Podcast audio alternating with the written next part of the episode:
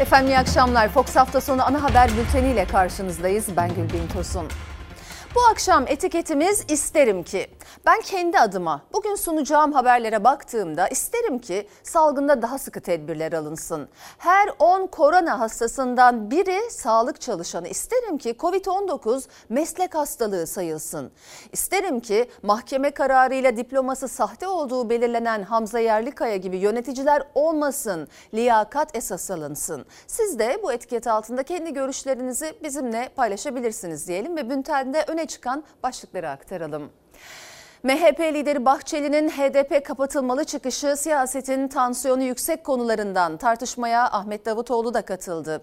Sayıştay'ın 2019 yılı belediye denetim raporları dikkat çekti. Kuruma göre İstanbul Büyükşehir Belediyesi'nin 0-4 yaş arası çocuğu olan annelere verilen ücretsiz ulaşım kartı mevzuata aykırı. Peki yetki kimde? Aktaracağız.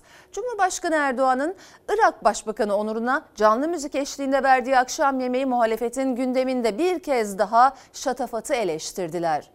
Salgından çok etkilenen esnafın iktidardan talebi var. TESK Başkanı esnafın en önemli harcama kalemi olan faturalardan vergi alınmasın dedi. Hepsi ve daha fazlası birazdan ama önce koronavirüs tablosundaki son duruma bakacağız.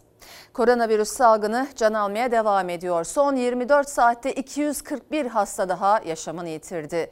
Vaka sayısı düşmüş gibi gözükse de aslında düşen test sayısı oldu. Vaka sayısının test sayısına oranı arkamda gördüğünüz tabloda olduğu gibi neredeyse aynı. Yoğun bakım ihtiyacı olan hasta sayısı her geçen gün artış göstermekte. Hastaneye yatırmamız gereken hasta sayısında da yine bir artış olduğu gözükmekte. Koronavirüs hızla bulaşmaya devam ediyor. Son 24 saatte 241 hasta daha yaşamını yitirdi. Sağlık Bakanlığı'nın tablosunda önceki güne göre vaka sayısında gerileme var. 26 binlerden 22 binlere düşmüş gibi gözüküyor. Ancak aslında aynı oranda test sayısı da düştü. Günde 200 binden fazla test yapılıyordu. Son test sayısı 173.132'de kaldı. Test sayılarının da bir önceki günlere göre 30-40 bin arasında azaldığını görüyoruz. Gelen vaka sayılarında artık iyiye gidiyoruz diyebileceğimiz bir azalma olmadığını da ifade etmek isterim. Ağır hasta ve aktif vaka sayımız düşmeye devam ediyor tedbir ve kısıtlamaların etkisini görüyoruz. Yeterli olmadığını düşünüyorum. En azından bir takım şeylerin daha kısıtlanmasına gidilebilir. Seyahatler biraz daha ciddi bir şekilde engellenebilir. Bundan çok endişeliyim. Sağlık Bakanı Fahrettin Koca kısıtlamaların etkisinin görüldüğünü söylese de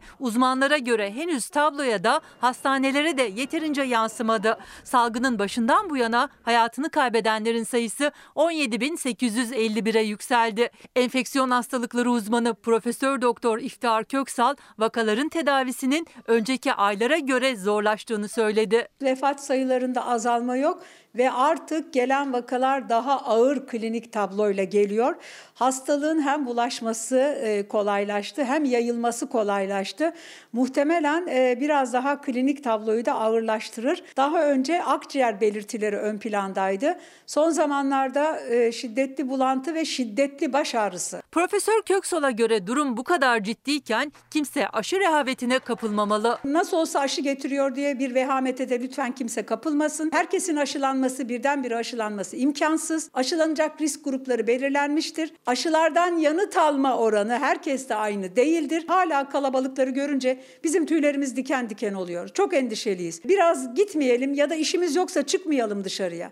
Artık gezme tozma zamanı değil. İhtiyaç yoksa dışarı çıkmamak lazım. Özellikle de yılbaşı kutlamasına yönelik endişe büyük. Önümüz yılbaşı ve bir tatil inanın çok endişeliyiz. Burada aileler bir araya gelip de birbirlerini infekte ederler ederse bizim bu hani azalıyor e, ya da azaldığını ifade ettiğimiz şeylerin tamamen terse dönebileceğini düşünüyorum. Çok kritik bir dönemden geçiyoruz. Çok dikkatli olmamız ve asla taviz vermememiz lazım.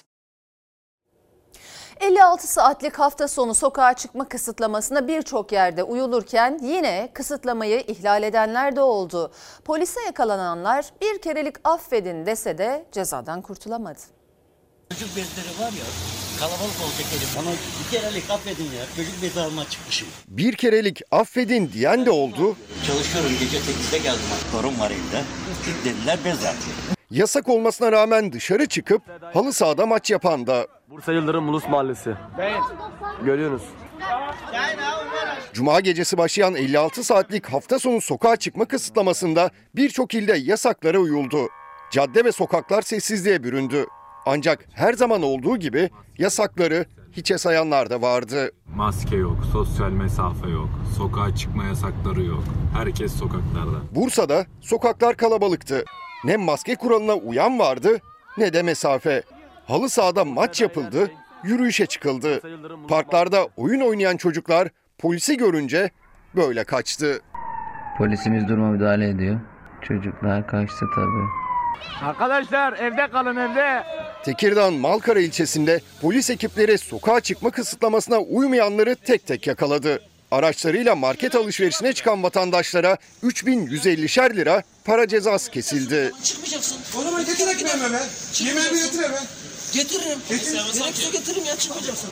Arayacaksın paket servis söyleyeceksin. Kahramanmaraş'ta yasağı delip otomobille gezintiye çıkan 3 kişi polis aracına çarpınca yakayı ele verdi. Ben sürüyordum arabayı. işlem yapın buna. Ya ben Kelepçeyle sürüyorum. bunu işlem yapın. Ben sürüyorum arabayı. Karşılıklı şoför bendim tartışması uzayınca polis araçtaki 3 kişiyi de gözaltına aldı. Yalan benimle de uğraşamıyorum. Arabayı ben sürüyordum. Atın bunları nezarete. Adana'da polis 11 adrese kumar operasyonu düzenledi. 158 kişiye kumar oynamak ve tedbirlere uymamaktan 367.250 lira ceza kesildi. Sen acıktın bahçeye mi geldin? Bitlis'in Ahlat ilçesinde yaşayan 21 yaşındaki bedensel engelli Uğur Avcı'nın görüntüsü ise yürekleri ısıttı. Kısıtlama boyunca sokak hayvanlarının aç kalmaması için akülü aracıyla caddeleri dolaşıp yiyecek dağıttı. Sokağa çıkma yasağından dolayı e, kısıtlamalarda dışarıya çıkıp her gün do- düzenli dolaşıp beslemelerimi yapıyorum. Sokak hayvanlarını beslemeye çalışıyorum. İngiltere'de koronavirüsün mutasyona uğramasının ardından Başbakan Boris Johnson gelişmelerle ilgili bilgi verdi. Hükümet çok daha hızlı yayılan yeni bir tür virüse karşı önlemleri sıkılaştırdı.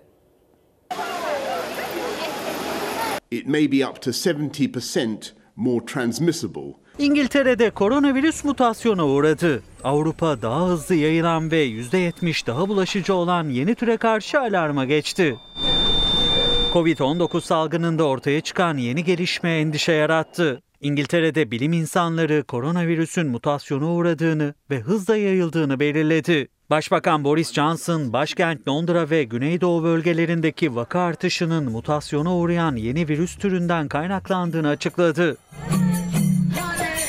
Hükümet vakaların arttığı bölgelerde ek kısıtlamaları devreye soktu. Gıda haricindeki tüm mağazalar ve spor salonları kapatıldı. Noel ve yılbaşı ile ilgili önlemler sıkılaştırıldı. Ailelerin başka hane halkıyla bir araya gelmesi yasaklandı. Sağlık Bakanı Matt Hancock kısıtlamaların gerekliliğine dikkat çekti. But unfortunately, this virus, the new strain, was out of control. We've got to get it under control. Bu gelişme üzerine Hollanda, İngiltere'den uçuşları yasakladı. Belçika, İngiltere'ye hava ve demiryolu ulaşımını 24 saat durdurma kararı aldı. Dünya Sağlık Örgütü İngiliz yetkililerle yakın temasta olduklarını duyurdu. Dünyada aşı ile ilgili önemli gelişmeler de yaşandı. Can kaybının 320 bin aştığı Amerika Birleşik Devletleri'nde onay alan ikinci aşı Moderna'nın dağıtımı başladı. Yaklaşık 8 milyon doz aşı ilk etapta 3700 noktaya dağıtılacak. İsrail'de ilk Covid-19 aşısı canlı yayında Başbakan Netanyahu'ya yapıldı. Ülkede toplu aşılama da başladı. Pfizer-BioNTech aşısı öncelikli olarak sağlık çalışanlarına uygulandı. Gaziantep'te Covid-19 hastalarının kaldığı yoğun bakım ünitesinde yaşanan faciada hayatını kaybedenlerin sayısı 11'e yükseldi. Tüm Türkiye'yi yasa boğan yangın faciasının adeta geliyorum dediği ortaya çıktı. Sağlık Bakanlığı'nın 11 kişinin ölümüne neden olan yangından 5 gün önce yoğun bakımda kullanılan oksijen cihazları ile ilgili hastaneleri uyardığı anlaşıldı.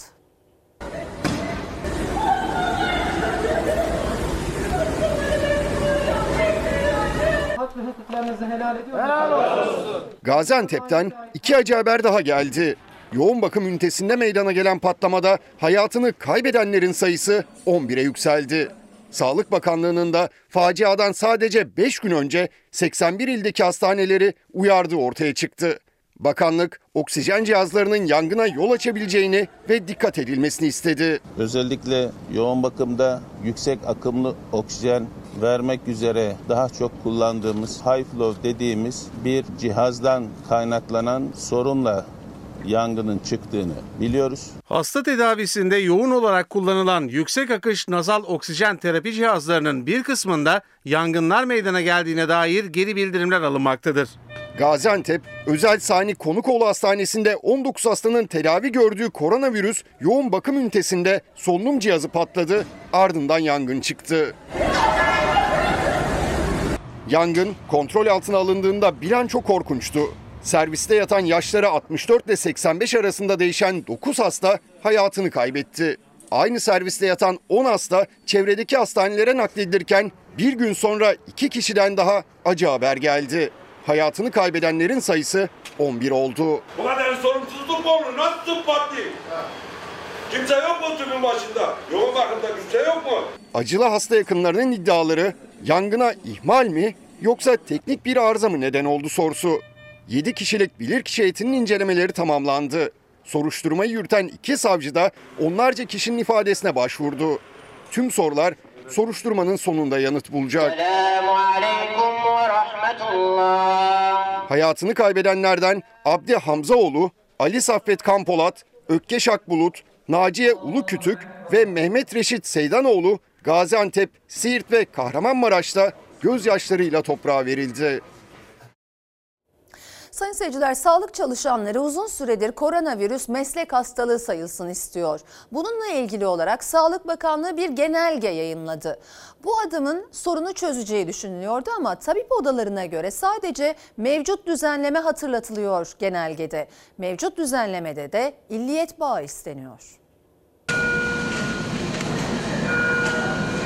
Sağlık Bakanlığı'nın bir genelgesi yayınlandı. Cumhurbaşkanı'nın bu konuda bir e, meslek hastalığı sayılacak e, gerekli çalışmalar yapılacak açıklamasının üzerine. Meslek hastalığı statülerinin hızla sonuçlandırılması sağlanacaktır. Sanki bizim beklentilerimizi karşılayan bir e, genelge yayınlandı gibi anlaşıldı. Sadece başvuruyu nasıl yapılacağını belirten önerge aslında. Aylardır canla başla çalışan sağlık çalışanları koronavirüsün meslek hastalığı sayılmasını istiyor. Cumhurbaşkanı Erdoğan da ilgili bakanlara talimat verdiğini duyurmuştu. Sağlık Bakanlığı sonunda bir genelge yayımladı. Ancak tabip odalarına göre mevcut uygulamanın hatırlatılmasından öteye geçemedi. Aslında meslek hastalığı sayıp saymama konusu Sosyal Güvenlik Kurumu'nun yetkisinde olan bir durum. Sorunu çözen bir genelge değil. Burada böyle bir kanuna ihtiyaç yok. Vazife malulü diye bir durum var. Çalışma Bakanı Zehra Zümrüt Selçuk kanuna ihtiyaç yok demişti ama İstanbul Tabip Odası Genel Sekreteri Profesör Doktor Osman Küçük Osmanoğlu'na göre yasa olmadan sorunlar çözülemeyecek. Çünkü mevcut prosedürde illiyet bağı isteniyor. Şöyle açıklayabilirim size. Yani siz mesela bir COVID-19'a bağlı bir nedenle yaşamını yitiren bir sağlık çalışanının eşisiniz, çocuğusunuz, uğraşıyorsunuz bununla. Covid-19'a bağlı bir ölüm olduğunu ispatlamanız isteniyor sizden. Başvuru neticesinde illiyet bağı kurulursa gerekli işlemler yapılıyor. Yıllardan beri biz biliyoruz ki meslek hastalığı konusunda e, başvurular çoğu kez yıllarca süren karşılıklı dilekçelerle Sosyal Güvenlik Kurumu tarafından işin yokuşa sürülmesi sonucunda hani illiyet bağı diye bir bağ aranıyor. Koronavirüsle mücadele eden doktorlar yaşamını yitirdiğinde baktığı koronavirüs hastasından bulaşı bulaşmadığını ailesinin kanıtlaması isteniyor. Oysa bu pandemi koşulları altında koronavirüs sağlık çalışanları için meslek hastalığı sayılırsa buna gerek kalmayacak. Bugüne dek 200'den fazla sağlık çalışanı koronavirüs nedeniyle hayatını kaybetti. Geride bıraktıklarını koruyacak bir yasa bekliyor sağlıkçılar. Bu özel durum nedeniyle bir yasa çıkarılmasını ve COVID-19'a bağlı yaşamını kaybeden ve mesleğini yapamaz duruma gelen sağlık çalışanlar, sadece hekimler için de değil, taşerona bağlı çalışanlar, memurlar, sözleşmeli çalışanlar, kayıt memurundan temizlik işçisine, ambulans şoföründen acil tıp teknisyenine Efendim bir izleyicimiz demiş ki gelişmiş devletlerdeki gibi herkese yetecek kadar aşı gelsin isterim ki etiketiyle birlikte. Bir diğer izleyicimiz de isterim ki bizlerden hiçbir şey saklanmasın. Covid-19 vaka ve ölüm sayıları, işsizlik rakamları, enflasyon rakamları hepsi şeffaf olsun. Özellikle koronavirüsle ilgili biliyorsunuz İstanbul Büyükşehir Belediyesi vefat sayılarını açıklıyor. Sadece İstanbul'daki toplam vefat sayısına baktığınızda aradaki e, çelişkiyi görebiliyorsunuz. Tabip odaları da bu rakamlara hala çok güvenmediğini her fırsatta belirtiyor. Arkamda görüyorsunuz şimdi bugüne ait koronavirüs tablosu geldi. Hemen sizlerle paylaşalım. 20 Aralık 2020. Bugün 158.892 test var. E, düne de bakalım. Düne göre 15 binlik bir düşüş var test sayısında. Vaka sayısı bugün itibariyle 20.316. Düne göre düşüş var. 22.195'ten düşüş var. Tabi test sayısı düşünce haberimize de aktardık. Vaka sayısında da düşüş oluyor. Hasta sayısında düşüş var. Sevindirici tabii. E, 4002 iken bugün 3546 efendim. Vefat sayısında ufak bir yükselme var. Üzgünüm. 246'ya çıkmış. E, iyileşen sayımızda e, e, bir düşüş var. E, 21.218 olmuş. 25.516 iken bir tek ağır hasta sayısına da bakalım burada. E, 5501 iken bugün itibariyle ağır hasta sayımızda yükseliş var. 5347. Koronavirüse noktayı koyuyoruz ve siyaset gündemiyle devam edeceğiz. MHP lideri Devlet Bahçeli'nin HDP kapatılmalı çıkışına AK Parti içinden bir tek Numan Kurtulmuş parti kapatmak çözüm değil diyerek tepki göstermiş. Bahçeli de isim vermeden Kurtulmuş'u eleştirmişti. MHP lideriyle AK Parti'nin iki numaralı ismi arasındaki parti kapatma polemiğini Gelecek Partisi Genel Başkanı Ahmet Davutoğlu yorumladı. Davutoğlu Cumhurbaşkanı Erdoğan'ın sessizliğine dikkat çekti. İki yüzlük şurada. Aynı Bahçeli ve milletvekilleri HDP ile yan yana oturuyorlar mecliste. HDP'li birisi meclis başkanlığı görevini üstleniyorsa meclis başkan vekili olarak ona sayın başkanım diyerek söz alıyorlar. Sonra dönüp İç Anadolu'daki, Karadeniz'deki belli bölgelerdeki milliyetçi seçmeni tahrik etmek üzere konsolide etmek üzere. Çünkü biliyorlar o seçmenler kopuyor onlardan. MHP lideri Bahçeli'nin HDP kapatılmalı çıkışını böyle değerlendirdi Gelecek Partisi lideri Ahmet Davutoğlu. MHP'yi iki yüzlülükle suçlarken Bahçeli'nin Numan Kurtulmuş'a yönelik çıkışına karşı Cumhurbaşkanı'nın sessizliğine dikkat çekti. Parti kapatmaların Türkiye'de geçmişte çok e, olumlu sonuç vermediği görüldü. AK Parti'nin içindeki bazı yöneticiler cevap versinler. Türk devletinin ihaneti beslemesi, mermi, bomba, mayın, keleş masraflarını karşılaması olacak ve makul görülecek şey midir? Numan Kurtulmuş'la ilgili Sayın Bahçeli'nin tutumu ise AK Parti için yüz karasıdır açık söyleyeyim. Bir partinin genel başkanı saygısızca diğer bir partinin ikinci adamına, genel başkan vekiline ayar veriyor. Burada beni hayret içinde bırakan şey geçmişte yakın çalışma arkadaşlarını açık bir şekilde koruyan Erdoğan'dan kendisinin vekil tayin ettiği ikinci isme ayar veren bir başka siyasi partinin genel başkanına sessiz kalıyor. Devlet Bahçeli HDP'nin kapatılmasını istedi. AK Parti içinden tek ve net ses Genel Başkan Vekili Numan Kurtulmuş'tan yükseldi. Kurtulmuş MHP liderinin çağrısına karşı çıktı. Bahçeli'nin kurtulmuşa yanıtıyla da parti kapatma tartışması Cumhur İttifakı içine taşındı. Parti kapatmaktan ziyade legal olarak faaliyetini sürdürdüğünü iddia eden partinin ya da partilerin Türkiye Cumhuriyeti Devleti'nin temel ilkeleri çerçevesinde Türkiye'de halklar arasına düşmanlığı koymayacak şekilde bir siyaset tarzı benimsemeleri zorunludur. Diyorlar ki parti kapatmanın Türkiye'de olumlu bir sonucu görülmedi. Mesele parti kapatmanın ötesinde ihaneti cezalandırmaktır. Numan Kurtulmuş Sayın Cumhurbaşkanı gidip şunu demesi lazım. Ben sizin geçmişte savunduğunuz şu, şu ilkeler ışığında söylemiştim parti kapatmak çözüm değil. Bir başka partinin genel başkanı bana hakaret etti. Şimdi ya beni savunun doğru söylediysem Yanlış söylediysem beni affedin ben bu görevi yürütemem demesi lazım. Parti kapatmaya karşı olduğunu daha önce de dile getiren Ahmet Davutoğlu Karar TV'de katıldığı programda Numan Kurtulmuş'un AK Parti Genel Başkan Vekili sıfatına dikkat çekti. Yani Erdoğan'dan sonra ikinci adam olmasına. Bahçeli'nin Kurtulmuş'a yönelik açıklamasına nasıl sessiz kalınıyor diye sordu. Bahçeli ve Erdoğan tiyatro oynuyor dedi. Numan Kurtulmuş'a ayar vermek kolay. Acil bir randevu talep etsin Sayın Erdoğan'dan. Bizim anlaştığımız ilkelere aykırı olarak sizin yardımcınız HDP'ye destek verdi. Ya onu görevden alın ya da şimdi HDP'yi kapatmak için süreç başlatın demesi lazım. Eğer samimi ise. Ama bunlar rol yapıyor. Tiyatro oynuyorlar, tiyatro. Sayıştay'ın 2019 yılına ait belediyelerle ilgili denetim raporlarında AK Partili belediyelerle ilgili tespitler dikkat çekici. CHP'li İstanbul Büyükşehir Belediyesi ile ilgili de tespitler yer aldı Sayıştay raporunda. 0 ile 4 yaş çocuğu olan, 0-4 yaş arası çocuğu olan 100 bin anneye verilen ücretsiz ulaşım kartı için mevzuata aykırı dedi Sayıştay. İş Sayıştay raporu olmaktan çıkıp yolsuzluk ansiklopedisine döndü. Sayıştay'ın belediyelere ait 2019 denetim raporları yolsuzluk tartışmasını da alevlendirecek türden. Memuriyet atamalarındaki usulsüzlükler, yüksek temsil ve ağırlama giderleri, metro ihalesine yurt dışı seyahat maddesi eklenmesi. Ordu Büyükşehir Belediyesi'ne ait Sayıştay raporundan bu tablo. Özel Kalem Müdürlüğü'nün memuriyet ataması için geçiş olarak kullanıldığını söylüyor Sayıştay raporu. Özel Kalem Müdürlüğü'ne yapılan atamaların mevzuatın düzenleniş amacına aykırı olarak memuriyete sınavsız girişim bir yöntemi haline getirildiği görülmüştür. Özel Kalem Müdürü olarak atandıktan birkaç ay sonra memuriyete geçenler de 4 gün koltukta oturup memur olan da hatta bir günlük özel kalem müdürlüğü ile memur olarak atanan Sayıştay eşitlik ve liyakat ilkesine aykırı dedi. Türkiye'nin en borçlu belediyesi olarak biliniyor Kocaeli Büyükşehir Belediyesi. Sayıştay denetçileri mevzuata aykırı şekilde AK Partili Başiskele ve Gebze ilçe belediyelerine borç verildiğini tespit etti. Büyükşehir Belediyesi'nin Gebze Darıca metro inşaatını alan şirketle yaptığı sözleşmeye 41 personeli yurt dışına seyahate götürme maddesi eklettiğini. Bütçe harcamalarının doğru yapılıp yapılmadığını Sayıştay denetleyecek. AK Partili Kayseri Büyükşehir Belediyesi'nde 7 kişinin sınavsız şekilde müfettişliğe atanması, yaşı tutmadığı halde 36 kişinin sınavsız itfaiye eri yapılması. Sayıştay denetçileri atamaların iptalini istedi. Belediyenin 35 milyon liralık asfalt kaplama işini alan firmaya 9.1 milyonluk fiyat farkı ödemesi de Sayıştay raporuna girdi.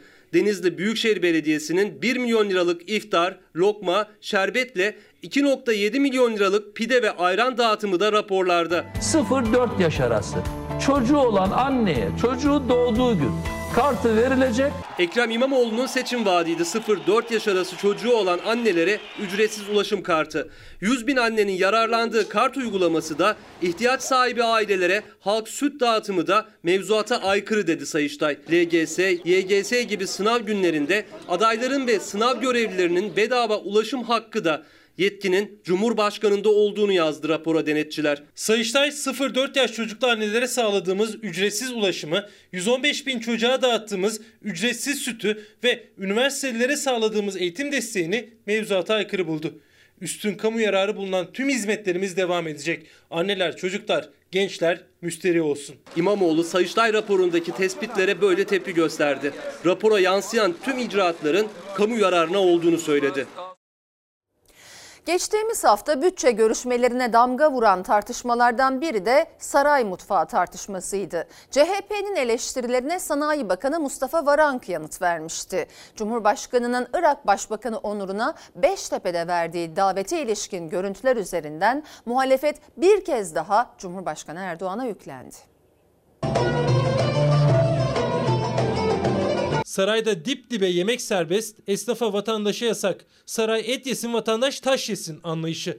AKP koronavirüsten daha tehlikelidir. Bu diplomatik kural dünyanın hiçbir yerinde şu anda böyle büyük şatafatlı sofralar kurulmuyor. Millete kuru ekmek yeter derken şatafatlı sofralarda yedikleri önlerinde yemediklerini döken ve bir de bunun görüntülerini yayınlayanlara yuh olsun. Biri yer biri bakar. Kıyamet ondan kopar. Cumhurbaşkanı Erdoğan'ın Irak Başbakanı için Beştepe'de canlı müzik eşliğinde verdiği akşam yemeği. Muhalefetin millet aç, sarayda şatafat tepkisi. Geçtiğimiz hafta mecliste başladı saray mutfağı tartışması. Orman meyveli spesiyal, bahçe naneli limonata içermiş, tartalet içerisinde humus. Afiyet olsun. Ye babam ye. Millet aç, sarayda bunları yiyor. Emin olun burada saydığınız yiyeceklerin bir kısmının ismini bile Sayın Cumhurbaşkanımız bilmez. Cumhuriyet resepsiyonları olur, yabancı misafirler ağırlarsınız. Burada insanlara bir takım ikramlar yaparsınız. Mecliste CHP ile AK Parti arasında yaşanan tartışmadan birkaç gün sonra Cumhurbaşkanı Erdoğan Erdoğan'ın Irak Başbakanı onuruna verdiği yemeğin görüntüleri sosyal medyaya düştü.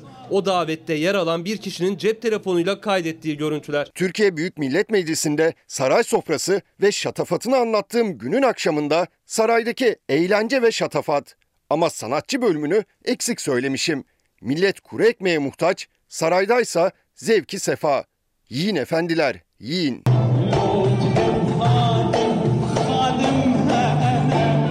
Saray kavramı artık yerleştiğinde bu sefer halk çift yönlü bir travma yaşıyor. Bir yoksulluktan gelen travma, bir de dışlanmışlıktan gelen travma. Ya bunlar benim halimi anlamıyor diyor. Saraylılara her şey serbest. Bu görüntüyü kuru ekmeğe muhtaç edilen yurttaş, restoranlar kapandığı için işsiz kalan garson, mekanı kapatıldığı için kirasını ödeyemeyen esnaf, sahneye çıkamadığı için ekonomik güçlük yaşayan sanatçı, işsiz vatandaş, kısaca herkes izlemeli. Muhalefet korona günlerinde işsiz kalanları kısıtlamalarla kepenk kapatan esnafı hatırlattı. İktidara çattı. Beştepe'de canlı müzik eşliğinde verilen yemek muhalefeti konuşturdu.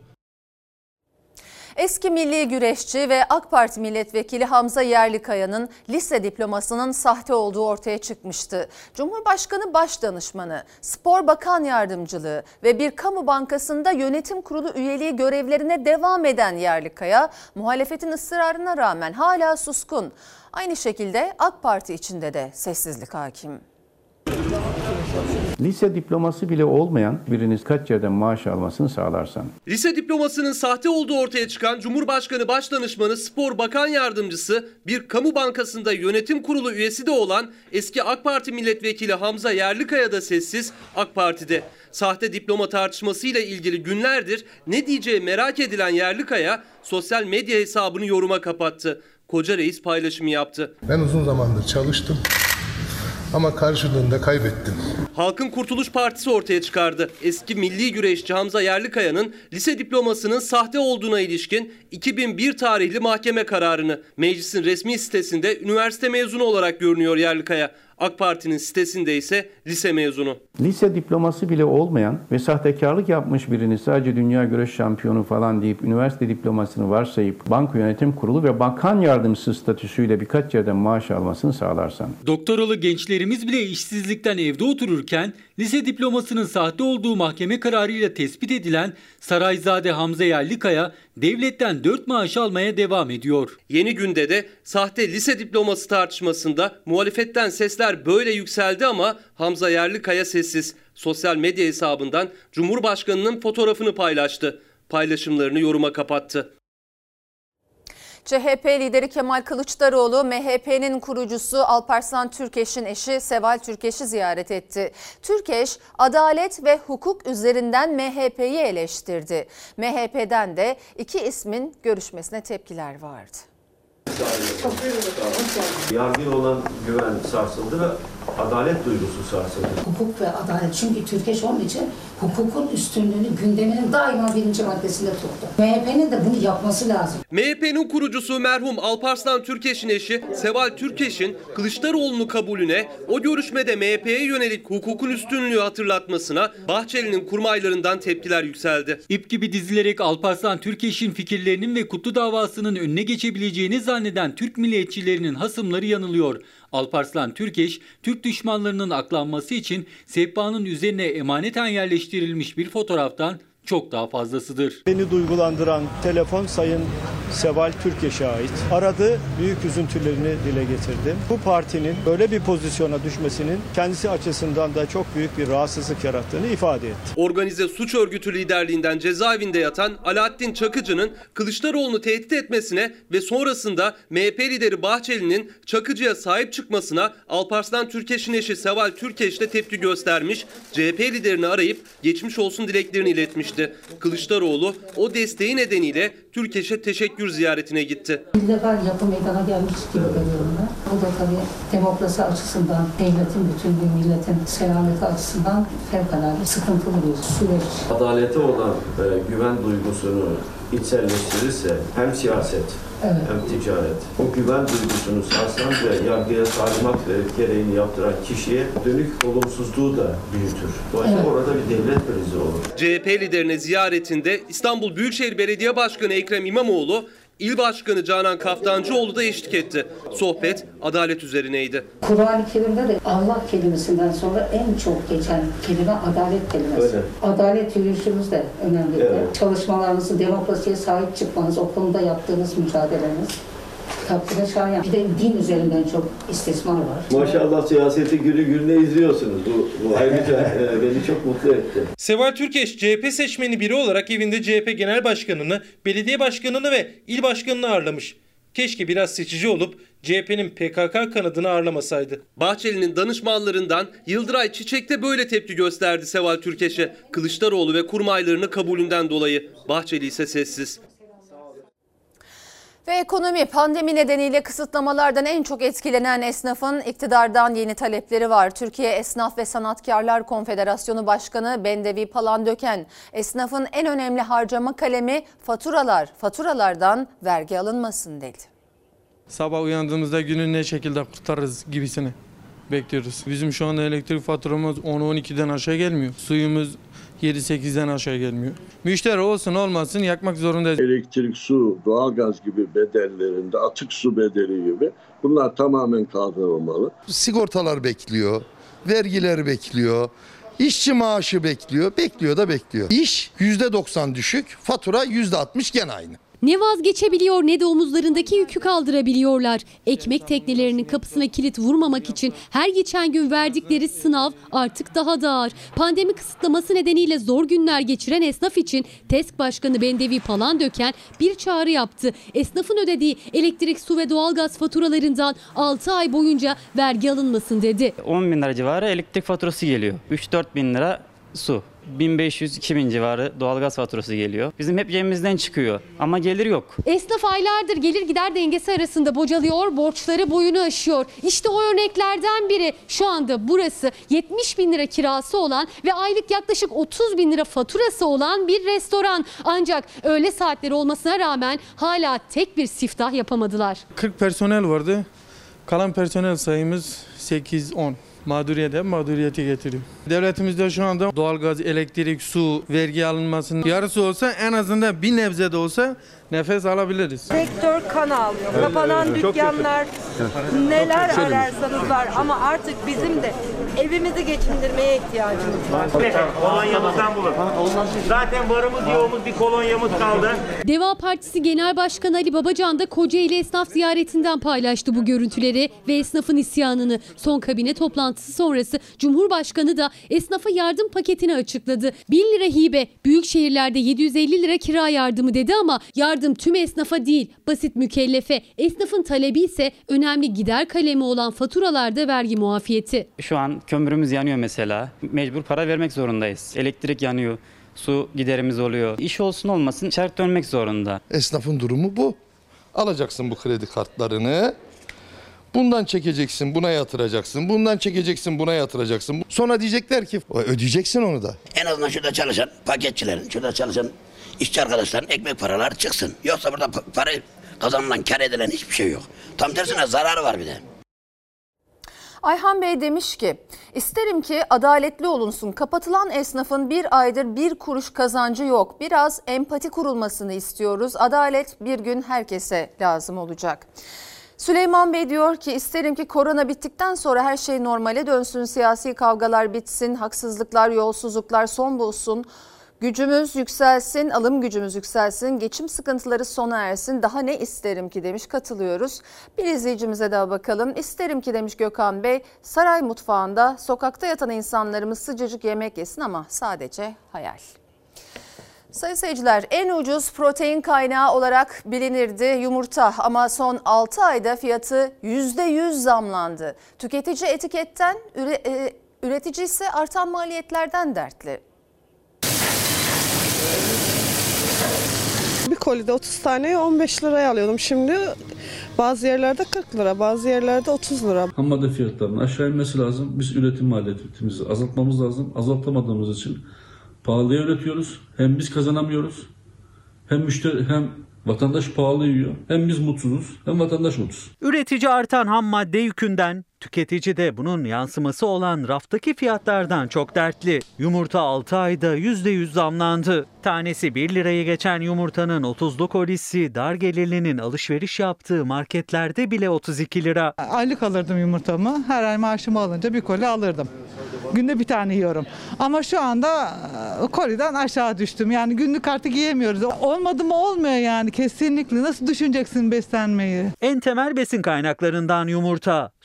Sofraların, özellikle de kahvaltıların olmazsa olmazı. Ancak salgının etkisiyle üreticinin maliyeti arttı. Bu da yumurtanın fiyatını katladı. Yumurtanın 30'lu paketi Haziran ayında 15 liraydı. Neredeyse yumurta fiyatları her ay zamlandı. Aralık ayındayız. Şimdi ise yumurtanın fiyatı 1 lirayı geçti. 30'lu paketin fiyatı ise 32 lira. Haziran ayına göre artış %100'den fazla.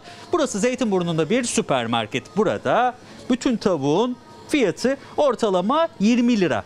Yani yumurta bu son zamlarla birlikte tavuk fiyatlarını bile geride bıraktı. Tavuğun kilosu 10,5 lira civarında. Bütün tavuk ortalama 20 liraya geliyor. Bir koli yumurta ise bütün tavuğu geçtiği gibi artık kıymayla bile yarışıyor. Çok yüksek. İnsanlar nasıl kalkacak bu işin içinden bilmiyorum. Yumurta üreticisi İlyas Kumbasar'a göre bu sert artışın iki temel nedeni var. Birincisi Irak'a ihracat yapılamayacağı için üretimde frene basılması. Diğeri ise ham madde maliyetlerinin günden güne artması. TMO mısır fiyatı açıkladı 1350 liraya. Biz Mısır'da bu fiyatlar devam eder diye düşünürken Mısır artmaya başladı bu pandemiden dolayı. Mısır oldu 2000 lira. Küsmesi 350 dolardan oldu 560 dolar. Yemi 1800 liraya üretirken 2700 liraya üre- şeye başladık, üretmeye başladık. Ham madde fiyatlarının aşağı inmesi lazım. Pandemi sürecinde olduğumuz için ister istemez kıyafetten kısıyorsun, e, dışarıdan yemekten kısıyorsun, gerektiğinde yiyecekten de kısıyorsun yani. Ne yapacaksın o zaman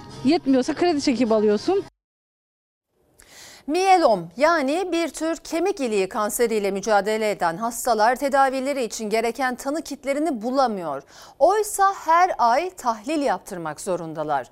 Kamu hastanelerinde bulunamayan o tanı kitleri için özel laboratuvarlara başvururlarsa her ay 3 bin lira ödemeleri gerekiyor. Multip miyelom kötü niyetli bir e, kan hastalığı. Basit teknik yöntemler kamu hastanelerinde maalesef gerçekleştirilememekte. Tahlil sorunumuz var. 2019 yılında da e, ben işte aylarca bu tahlillerden bazılarını gittiğim üçüncü basamak hem de tam teşekküllü hastane e, orada yaptıramadım. Bu hastalığın en önemli şeyi nüksediyor. Bu nüksü de neyle yakalayabiliyorlar?